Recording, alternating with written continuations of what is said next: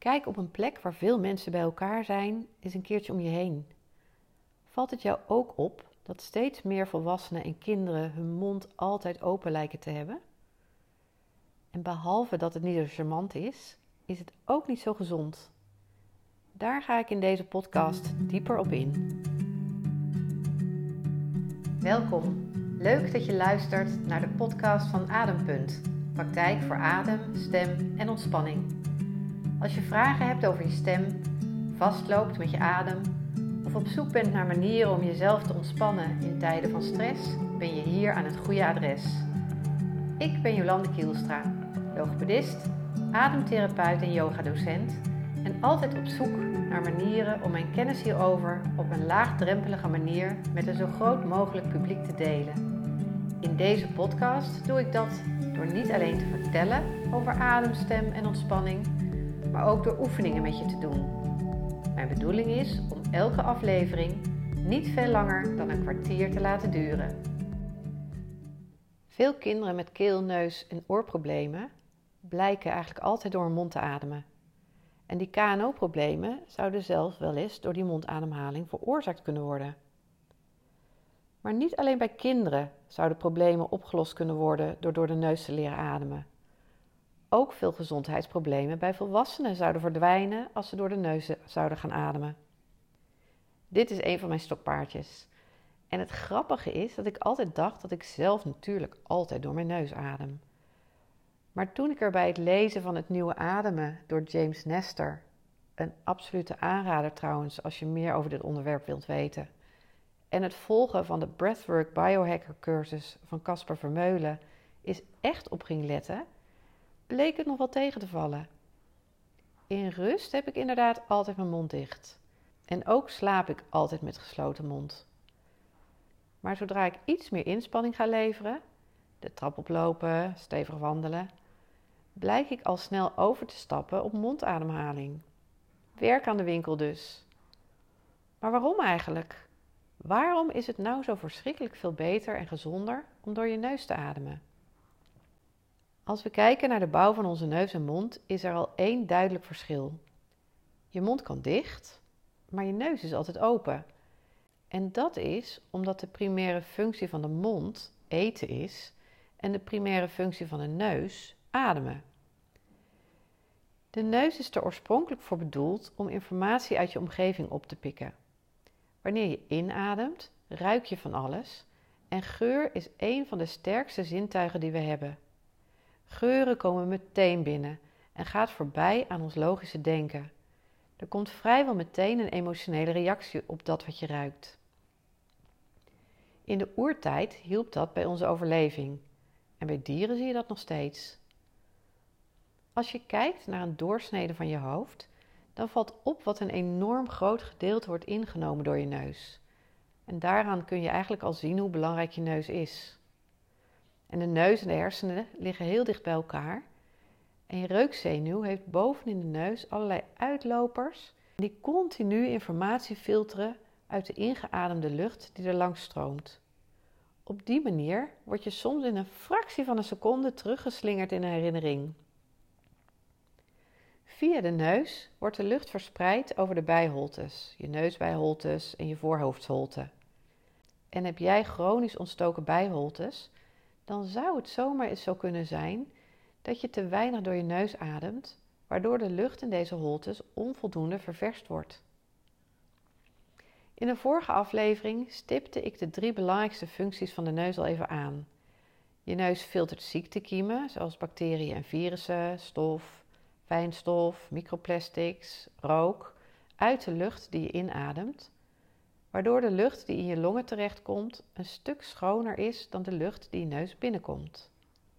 Daarnaast wordt de lucht in je neus verwarmd. Hierdoor heeft de lucht die je longen binnenkomt dezelfde temperatuur als je lichaam. En ten derde wordt de lucht in je neus bevochtigd, waardoor de slijmvliezen in keel en longen niet uitdrogen. Neem maar eens een diepe inademing door je mond. Sorry. Voel je dat? Je mond en keel voelen meteen droog en koud. En misschien begin je, net als ik, een beetje te hoesten, omdat het hele traject tot en met je stembanden geprikkeld raakt. Neem je een diepe inademing door je neus. Doe maar eens.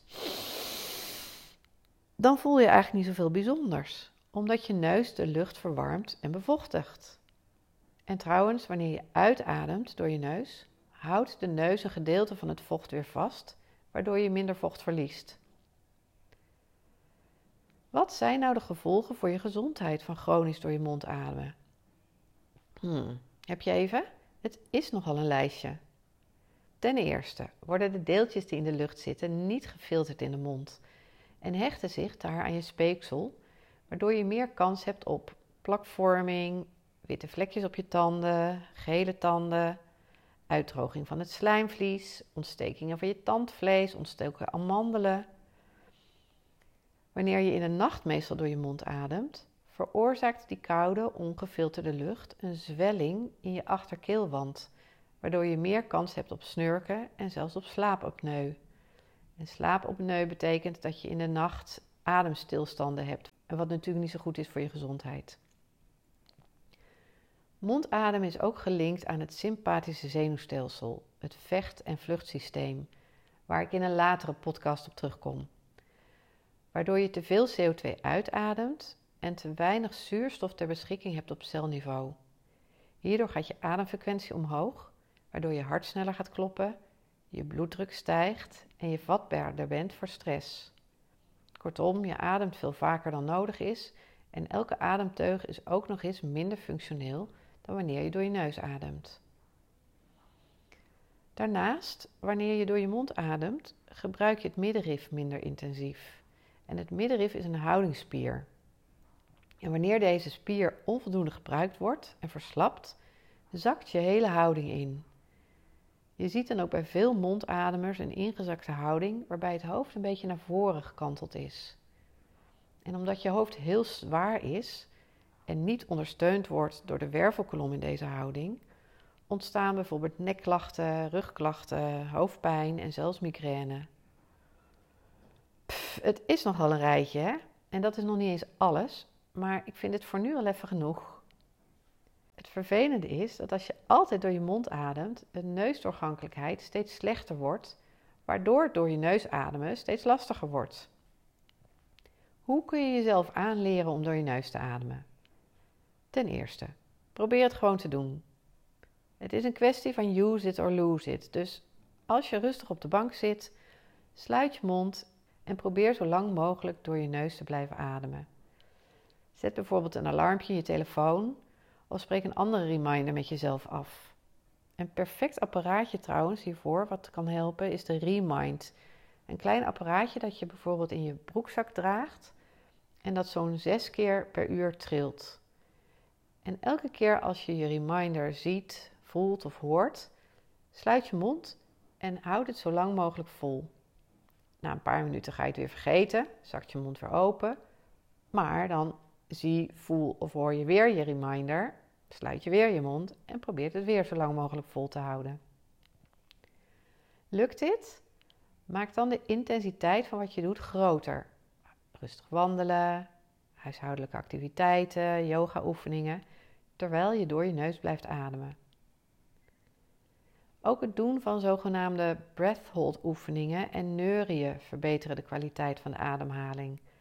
En hier kom ik in een latere podcast op terug. Zit je neus vaak vol? Gebruik dan een neti-pot of een neusspoeler. En een neti-pot is een klein potje, een soort theepotje met een tuit en een handvat, bedoeld om je neus en de bijholtes te reinigen. Het is een eeuwenoude traditie die onderdeel is van de Ayurveda, de Indiase geneeskunst. En ze zijn gewoon via bol.com verkrijgbaar. En het is niet schadelijk voor je slijmvliezen, zoals bijvoorbeeld het gebruik van neusspray wel is. Voor de nacht kun je bijvoorbeeld mondpleisters gebruiken, die ook gewoon via Bol verkrijgbaar zijn. Ik zal trouwens de links van alle dingen die ik noem even in de omschrijving bij deze aflevering uh, zetten. Dan kan je zelf, uh, als je wil, kun je ze aanschaffen. Blijft de neusdoorgankelijkheid slecht, dan kan het de moeite zijn om even een afspraak te maken bij de KNO-arts. Nou, het zal niet meevallen, maar het trainen van de neusademhaling is echt de moeite waard. En lukt het je niet in je eentje, neem dan contact op met een logopedist in de buurt Of doe natuurlijk mijn online module neusademhaling. Dat was hem voor nu. Heel veel succes en uh, hopelijk tot een volgende aflevering.